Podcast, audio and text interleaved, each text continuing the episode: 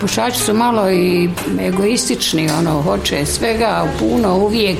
Čak i najveći problem kad dođe u goste, pa mu dozvoliš jednu ili dvije, on poputi pet. Mislim, nema i osjećaja tog da, da negdje treba, što kažu, kad si sam na, na meraji, puši jedno za drugom.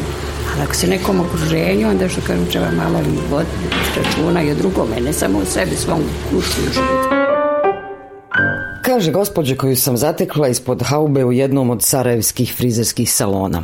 I realno, vjerovatno nema ni jedna osoba na svijetu koja nije svjesna toga da pušenje ugrožava zdravlje, te da i ne pušač, pasivni pušač, ukoliko se nalazi u dimom zagađenom prostoru. Osim toga, kogod izađe iz zadimljenog, kada dođe kući, osjeti neugodan miris na svojoj garderobi. Ja sam Leila Omeregić Ćatić, a ovaj zip je, nazovimo to, javna rasprava o pušenju duhana. Višestruko problematična tema koja je utkana u socijalni, zdravstveni i ekonomski sistem, pa i kult kroz istoriju umjetnosti, filma, knjiženosti, muzike i tako dalje. I zagnjurila sam ispod površine.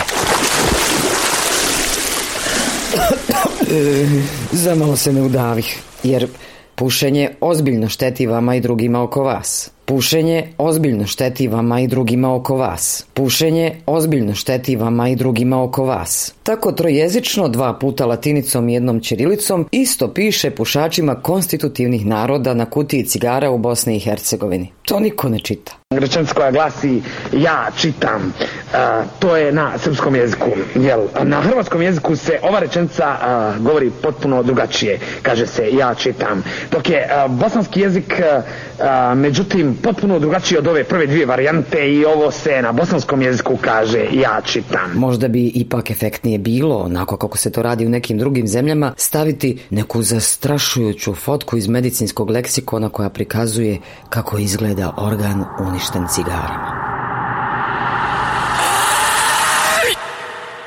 Bila je to horor scena za potrebe zastrašivanja pušača. Pa onda nadalje, na isti način, kako to cijene prehrambenih proizvoda skoro poprate evropske, trebalo bi prilagoditi cijene cigara evropskim cijenama. Bilo bi također dobro da vlasti prestanu da dižu nacionalne i druge tenzije, a da počnu da dižu standard BH građana i time ih približe standardu i nivou svijesti građana Evropske unije. Vjerovatno bi onda bilo i manje pušača i više zadovoljnih ljudi.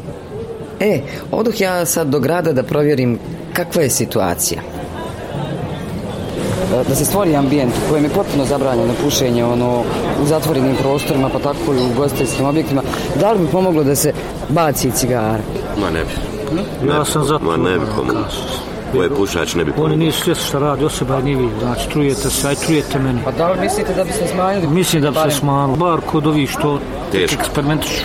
On bi možda odustao. Znači, vrijedi radnomorni. Jest, ili posebno prostoriju napravi pa izlazi, ili nije to to, u skafu izađe. E pa zato ja pitam, Nije to ono, da- to, nije to to.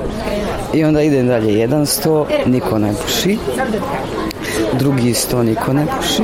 Treći, četvrti, peti, nema cigare na stolu. Da vidimo u sljedećoj bašti. Ista stvar, vrlo zanimljivo. Ima jedan hic. Dobro. Borba protiv pušenja decenijama postoji. Dokazi koliko je štetno po zdravlje su neupitni. Kult cigare postoji više od stotinu godina. Razlozi za pušenje kroz istoriju su različiti, ali sve u svemu. Može se reći da pušenje više odavno nije in, nije kult i oni koji puše uglavnom to mogu da rade još u svojoj kući i na otvorenom. Nigdje nisu dobro došli, pa samim tim s društvenog aspekta gledano logično i prestati s pušenjem. Sa zdravstvenog aspekta pogotovo. Uglavnom u BiH to još uvijek nije tako, a moglo bi biti uskoro. Možda bi to bila dobra prilika da se stvori ambijent da pušači ostave cigare, a opet ima i onih kojima je to užitak i ne žele. Mnogi ugostitelji misle kako bi zabranom pušenja u zatvorenom opao promet. Ne znam, evo me sad u Rajvosa kod Keke da vidim kako bi se on organizovao u svom kafiću ako se to desi. E, e, super, tu je i glumac Mirza Tanović, pa da vidimo. Bi organizovao... Kako bi dakle organizovao kafić da se potpuno zabrani pušenje u gostiteljskim objektima? A ne bi nikako, kako bi organizovao? Niže razine. Šta Pa ovo, neke grijalice, one plinske. Ma ne pada mi na pamet. Ubašimo nargile, to je onaj sada im. Hoće li to natjerati? Iće zabraniti. Pa Hoće li ništa. to natjerati ljude da prestanu pušiti? Pa samo nam je što ostalo, šta ćemo više da? Šta ćemo više, samo nam to ostalo. Koje? Pušenje. A prestanak? Prestanak ništa, ništa. Pa neće, ni nema nikakvog efekta. Hoće li pušači dolaziti? Pa naravno će dolazi to, šta će, pa šta će, pa to je. To je to, Mislim, nema primjera da je neko propao zbog toga. nema šanse. Idemo dalje. Manje nego šta. To je. Hvala. Sama niče vezi, šta će ja? Evo Mirzaba.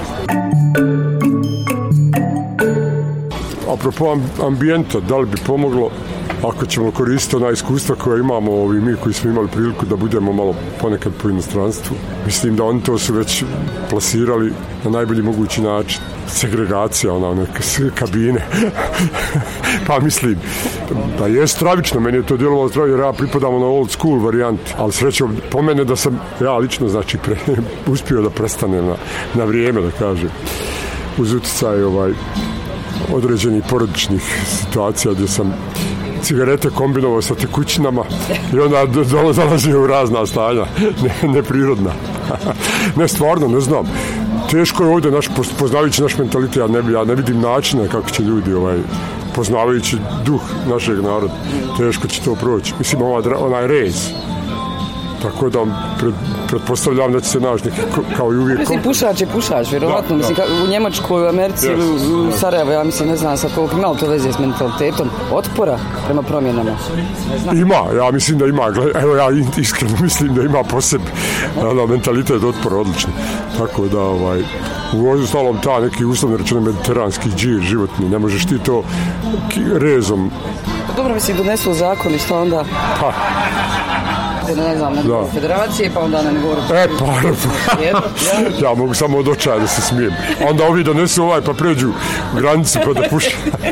pa ja mislim da će i toga biti. Je, pa Kako da smo mi ovdje? Ne Da, da, da, ovaj da, da, svoj, da, ne da. Biće sigurno to, da će ovi imati sigurno svoju varijantu tog, tog zakona, pošto je ovdje sve onako kao Monty Pythonovska varijanta, pa i tu će biti.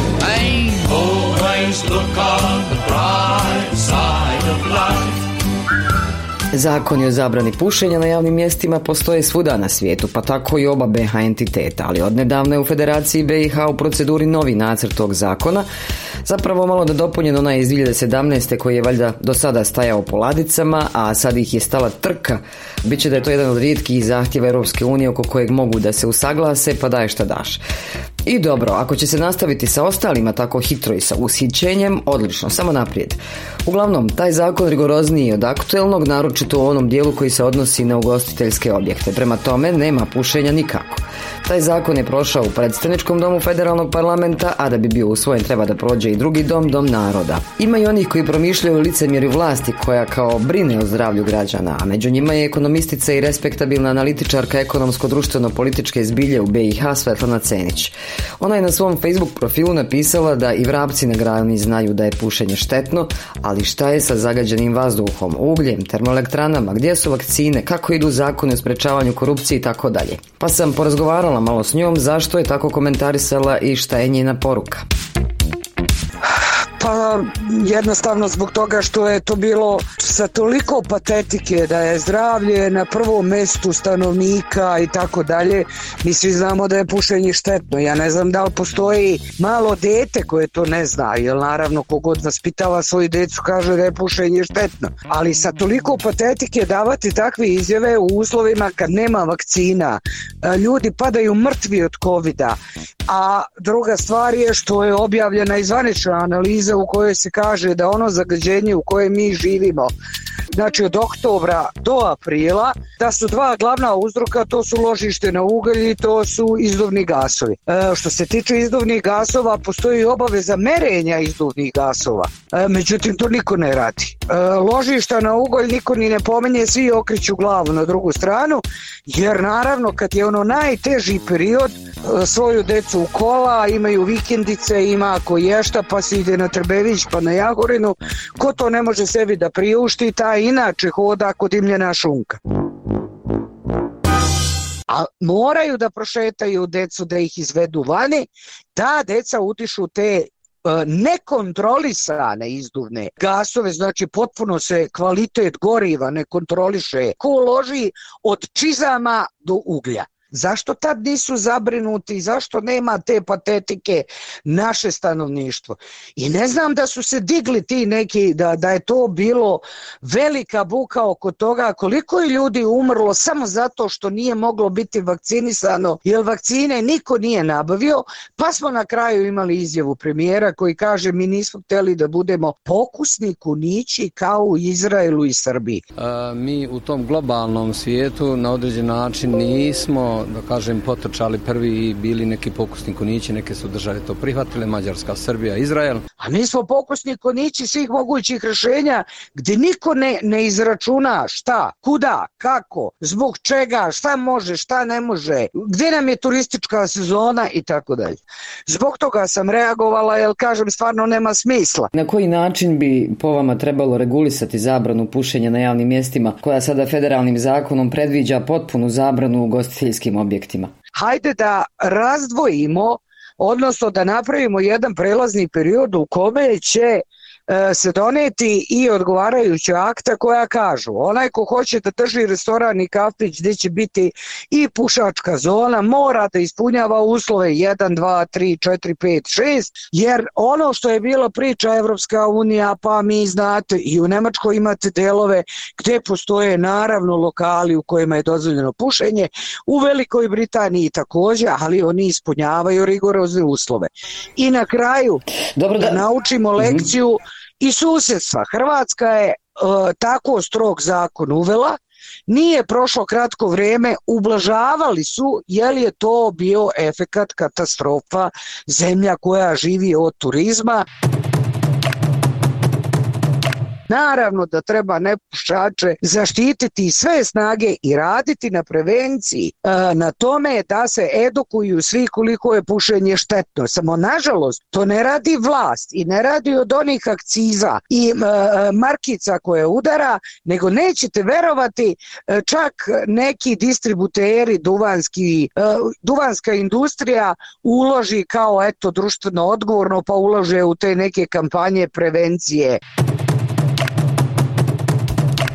Veliki broj zemalja je zabranio pušenje u ugostiteljskim objektima i e, da li je ugostiteljstvo propalo ili se naprosto smanjio broj pušača? Nije se smanjio broj pušača, to je vrlo minorno u odnosu na sve ovo se smanjio broj pušača. Interesante su studije koji su radile, radili u Sjedinim američkim državama. Vi znate koliko rigorozno je u Sjedinim američkim državama, pa su onda videli da duvanska industrija što se tiče prodaje nije ni propala, a boga mi ni smanjila nešto posebno prihode. Tako da nije to baš tako. Vi ćete vidjeti svugde uh, kad putujete zapadom, nećete vidjeti to u Norveškoj, na primjer, jer tu neće niko čak ni stati na ugao da puši, nego ako to radi, radit će ili u svojoj kući ili negde tako. I druga stvar što je prosvećenost, osveštenost ili kako god hoćete, uh, stresna situacija u kojoj žive Norvežani i mi tu dva različita potpuno sveta, uopšte neuporediva. Ali u ostalim zemljama i to kako ćete vidjeti otkud opušci, mislim, ko je kuda onda ako već niko ne puši.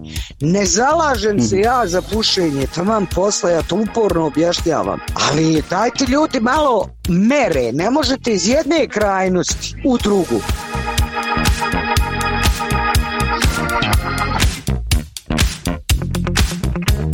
A ugostitelj Dževad Topić vrlo je zabrinuto koliko bi se dogodilo da ugostiteljskim objektima bude potpuno zabranjeno pušenje. Pa ko će doći sada da, da onaj, dođe u restoran, da jede, pije i da ne zapali. Mislim, to su navike ljudi. Dođu ljudi da ti potreše pare i onda ti sad i zovneš policiju zato što puši. S druge strane, Jasmina Čekić iz udruženja Proji, koje je u okviru inicijative Smetami, vodi kampanju kojom ukazuju da bi zabrana smanjila i troškove liječenja bolesti uzrokovanih pušenjem, smatra da niko neće propasti zbog zabrane pušenja. Vlada nekako novim prostorima i na Balkanu taj neki mit da će ugostitelji propasti alako za svoj zakon. To nije tačno, a dokaz su i druge zemlje u regionu koji nisu propale ni u svijetu ni, ni nigdje drugo. A u nastavku samo kratko da čujemo kako zabrana pušenja utiče na ekonomiju i zdravstvo. O tome je prije nekoliko godina za Radio Slobodna Europa govorio američki profesor ekonomije Frank Čaloupka, koji je to godinama istraživao i rekao je da je zabrana pušenja osim koristi za javno zdravstvo ima koristi i u ekonomskom smislu. Upotreba duhana stvara ogromne troškove širom svijeta, kako za zdravstvene sisteme, tako i za izgubljenu produktivnost, a na globalnom nivou ti troškovi iznose oko 1,4 trilijona američkih dolara. So the positive effects, uh, there's, I think, basically three. Pa što se tiče pozitivnih ekonomskih efekata, ja bih rekao da su tri e, glavna, jer e, zabrane pušenja uglavnom dovedu uvijek do toga da se smanje prvo troškovi za poslovne subjekte, da se smanje njihovi, na primjer, troškovi čišćenja, troškovi osiguranja, zbog toga što se, na primjer, više u njihovim e, prostorima više ne puši, normalno da je rizik od požara manji i s time se i smanjuju troškovi ovaj, osiguranja. Drugi efekat je zdravija radna snaga, jer normalno ljudi u stvari su produktivni kao posljedica zabrane pušenja, manje je onih oboljenja, manje oboljevaju od bolesti koje su povezane sa pušenjem, e, ne umiru preuranjeno i treći je općenito povećanje u poslovnoj aktivnosti jer sada će i ne, nepušači početi odlaze na ona mjesta gdje se zabrani pušenje i da uživaju u njima, pušači će se prilagoditi tome, tako da će, znači poslovanje raste i zaista su pozitivni efekti na, na poslovanje. Um, so you get these, these three effects and overall it's going to be very good for business.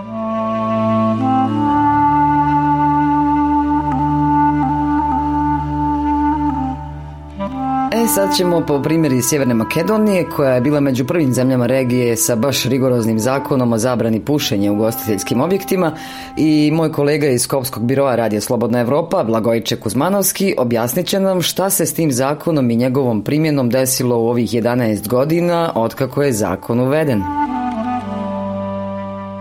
Pa koliko i да е изгледало на почетку тешко прихватливо, ипак со ове дистанци од 11 година чини ми се да су луѓи веќе се навикли на све тоа, да су прихватили тоа као некој вишу силу и поштују колико толико.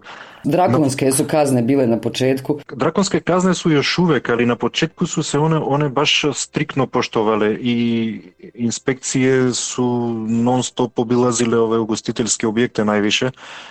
Па знали су да дојду онако ненајавлено и у свим овим јавним институцијама, установама, у приватним фирмама. Казне су од 2000 до 4500 евра za firmu, a između 150 i 300 evra za, za čovjeka koji je zateknut kako puši u zabranjenoj prostoriji. Dobro, pošto bi svaki ovakav zakon jel, trebao da ima efekte na javno zdravstvo, što znači smanjenje broja pušača. Da, da. Ova, ima li podataka o tome da li se smanjio broj pušača od tada do danas? Ima podataka i oni pokazuju da e, nema efekta ako gledamo sa tog zdravstvenog aspekta. Bilo je nekih istraživanja u у Институту за, за јавно здравје и податци кажу да ако е у 2002 години процентот пушачи во Македонија био околу 42%, 15 година касније, значи 2017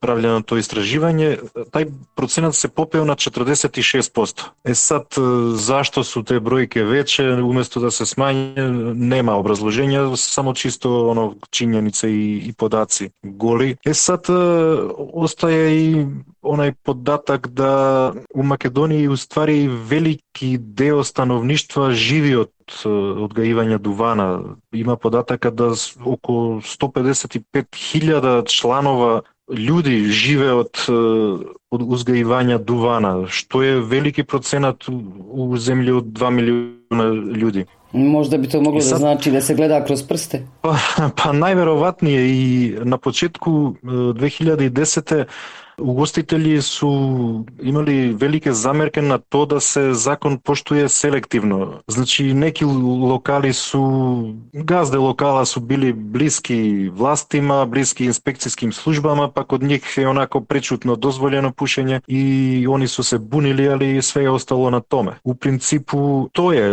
2000 2018 година, када е променена власт, ова нова власт на, начелу со социјалдемократима е, били су нешто либерални, па су одмах након преузимање власти мало олакшали те, те забране, па су дозволили да се пуши у оним баштама што су ограđени најлонима и стаклима. И од тада скоро и да се нико више и не буни. Оно и пушачи су се навикли, непушачима е окей. Човек Čovjek se sve navikne pa za nekoliko godina i to više nije bilo tema. Da li je zbog tog zakona bilo za, slučajeva zatvaranja ugostiteljskih objekata, odnosno da ugostiteljski objekat propadne jer kao ne, ne, ne dolaze pušači. Pa mislim da nije, koliko ja znam, na početku je bilo velikih strahovanja od strane ovih e, gazde lokala ugostiteljskih. Ko će meni dolaziti, kaže, naročito kada je zima. E, ipak, e, posle onog početnog šoka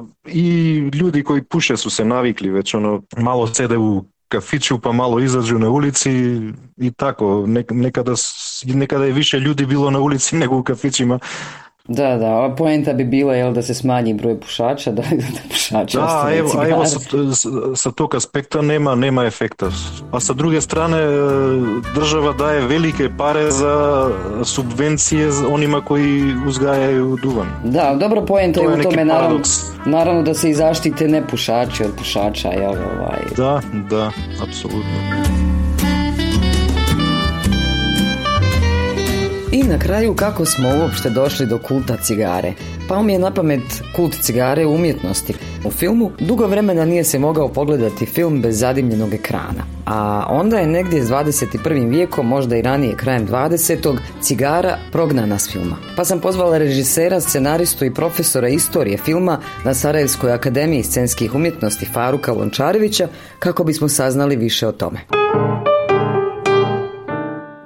Kult cigarete umjetnosti, književnost, film, muzika, jel, dugo je to trajalo. Uh, da li je to bilo nešto kao simbol slobode ili i neki drugi umjetnički izražaj i može li se objasniti zašto? Pa mislim da, da ako posmatramo istorijski, naravno to jeste nekako taj običaj do 20. godina 19. vijeka uglavnom se smatrao nešto što je bio neka muška privilegovana pozicija, ali se suštinski smatralo porokom i, i naravno muškarci su e, normalno konzumirali to, ne u tolikoj mjeri kao, kao danas na kraju krajeva, posebno ne kao prije 40 godina, ali e, razne su bile forme konzumacije duhana. Međutim, negdje 20. godina, jel, ta poznata priča o Edvardu Brneisu i njegovom spajanju sufražetskog pokreta sa reklamom za cigare, on je radio naravno za firmu koja to prodaje, jel, otac javnog mjenja, public relationsa i propagande, inače nečak Sigmunda Freuda, njemu je bilo jasno da se proizvodi trebaju prodavati na podsvjesnom nivou, a ne na svjesnom nivou, gdje se zapravo kanasuje se energije prirodnih potreba u vještačke potrebe i onda su naravno žene, a on je to organizovao, taj pseudo-feministički skup, a zapravo propagandni potez, a to vidimo i da je danas standardna praksa, gdje se zapravo one zapale cigare i kao torches of freedom e, i taj jedan običaj koji je do tada kod žena bio vezan samo za prostitutke, zapravo samo su prostitutke pušile i smatralo se nedostatkom odgoja i dobrog ukusa da se puši, su počele da nose te cigare i to je bio znak da žele da budu slobodne. I onda se interesantno to prelilo na bilo koju društvenu grupu koja se smatrala drugačijom, posebnom, slobodnom, to uključuje pisce, to uključuje umjetnike koji su uvijek kao mogu raditi ono što drugi nisu i, i to pogotovo naravno uključuje činjenicu da je duhan postao e, masovni proizvod, jel? Da, znači da su cigare zapravo postale široko dostupne, onda imate, ali to pogotovo 60. recimo 50. i 60. godina, to je bilo dosta karakteristično, posebno u Europi, ali i svuda u svijetu. Ali unazad par decenija je antipušačka kampanja postala toliko jaka da su uh, primjetno je cigarete prognane s filma. Sad, je li to bila cenzura ili autocenzura, oduzimanje autorskih sloboda ili jedna sasvim logična i opravdana stvar? Pa to vam je, znate, kad nam neko jako dobro proda nešto, onda je jako teško znati kad je sve to počelo. Mm. Od prilike. Znači, na kraju krajeva kada je simbol slobode je počelo biti pušenje. Jel? To, je, to je jednostavno nešto što to je jako dobro plasiran proizvod, zasnovan na podsvjesnom jel, usađivanju određenih stvari, posebno kroz reklame 40. i 50. godina i onda zapravo kad smo saznali jel, da pušenje nije tako zdravo kako se misli, ako su ga ranije propagirali kao pravo zdravo, pa ono bilo jedan od deset doktora preporučuje Camel, međutim onda kad se ispostavilo da to baš nije najzdravije, onda e, je zahvaljujući nečemu što se zove javno zdravstvo, što je kako možemo ovim pandemijskim uslovima još jedan način kontrole stanovništva da ima nikakve veze sa zdravljem, ali recimo u Europi koja ima javno zdravstvo, znači koje se plaća od poreza, onda zapravo zaštita na zdravlja, a posebno zaštita na radu, recimo u restoranima, u kafanama i to vi štitite konobare jel, od izlaganja kontinuiranog timu, da zapravo je to onda bila mogućnost da se to marginalizira, da se povećavaju porezi, da, da, da cigarete postanu užasno skupe i na kraju da se izbace iz medija.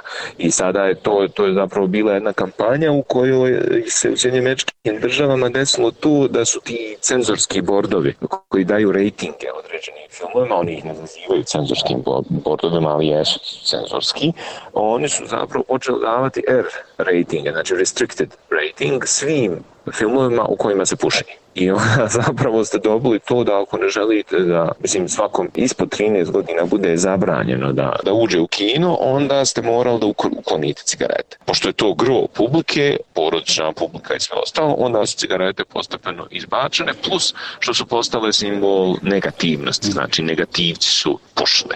I to je kao kako znate da je neko negativan, on puši. Međutim, onda se desilo obrat, posebno sa još nekim filmovima i serijama, recimo reklama, odnosno taj trailer za House of Cards, prikazuje Robin Wright Penn, jel, u ulozi predsjednice sada Sjedinjenih država, kako samo puši i kao kuje nekakve planove cigareta u tom trenutku postaje kao izvor simbol moći neke vrste.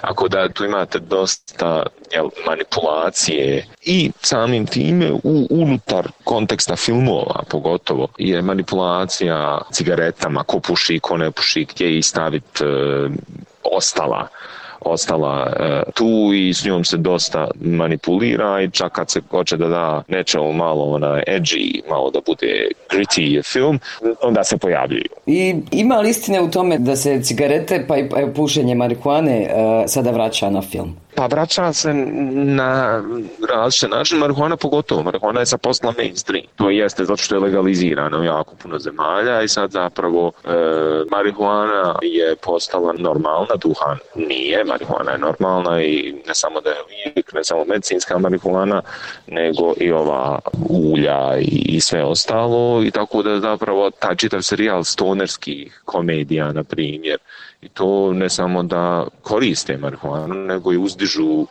u onaj, kao nekakva, nekakvu magični lijek. Tako da, da kad pogledate to jasno nam je da dok god ljudi budu pušili, jel, umjetnost je uvijek refleks onoga što je stvarno. Dok god duhan, marihuana, cigarete budu prisutne u, u svijetu, dotle će biti prisutne i na filmu.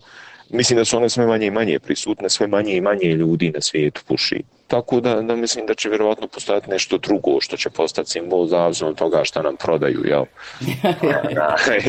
pa jest, pa to to je mislim da je pitanje uvijek samo proizvod i, i uvijek samo plasman, a onda, jel, on je bio 20. i 30. proizvod, onda kad su svi počeli pušiti 40. godina, posebno film Noir, gdje su te e, vrlo e, perfidne i jake žene koje su bile dominantne u film noiru, one su uvijek pušile. To je, mislim, jednostavno, to je zaista istina onda, jako puno ljudi je počelo da puši i onda normalno umjetno se reflektira reflektira na to i obično se veže i tu je mislim i kako cigarete djeluju odnosno njihov, njihov taj opijatski aspekt i jeste takav, on smiruje, smanjuje oralnu fiksaciju i sve ostalo, tako da nije čudno da intelektualci, ljudi koji se bave intelektualnim radom imaju neku vrstu dopinga, hajmo ga tako. Da, da, da, i vezuje se na neki način jel, za, neka, za nekakav dio kreativnih rituala, jel, kao nekakav stvaralački proces. Da, pa to sigurno. Samo kad se sjetimo one prelijepe slike iz filma Doručak od Tifanija, Audrey Hepburn sa muštiklom. No, cigara odavno već nije seksi kako je to nekada bilo, a moda ko moda bude i prođe. Kako reče Faruk, plasirat će nam se nešto drugo. Uglavnom, za pušače je možda ipak najbolja šansa da ne budu demode, a budu zdraviji u sužavanju prostora i stvaranju ambijenta koji će naprosto onemogućiti da se zapali cigara. A opet neki vole da su demode i uživaju u svakom dimu. Tako da je o fenomenu kulta cigare u društvenom smislu teško donositi bilo kakve zaključke, no u zdravstvenom nauka je egzaktna. Ja sam Lila Omeregić Ćatić, slušajte me ponovo u podcastu Zip za viri ispod površine na slobodnaevropa.org. A za sve dodatne informacije obratite se svome ljekaru ili apotekaru.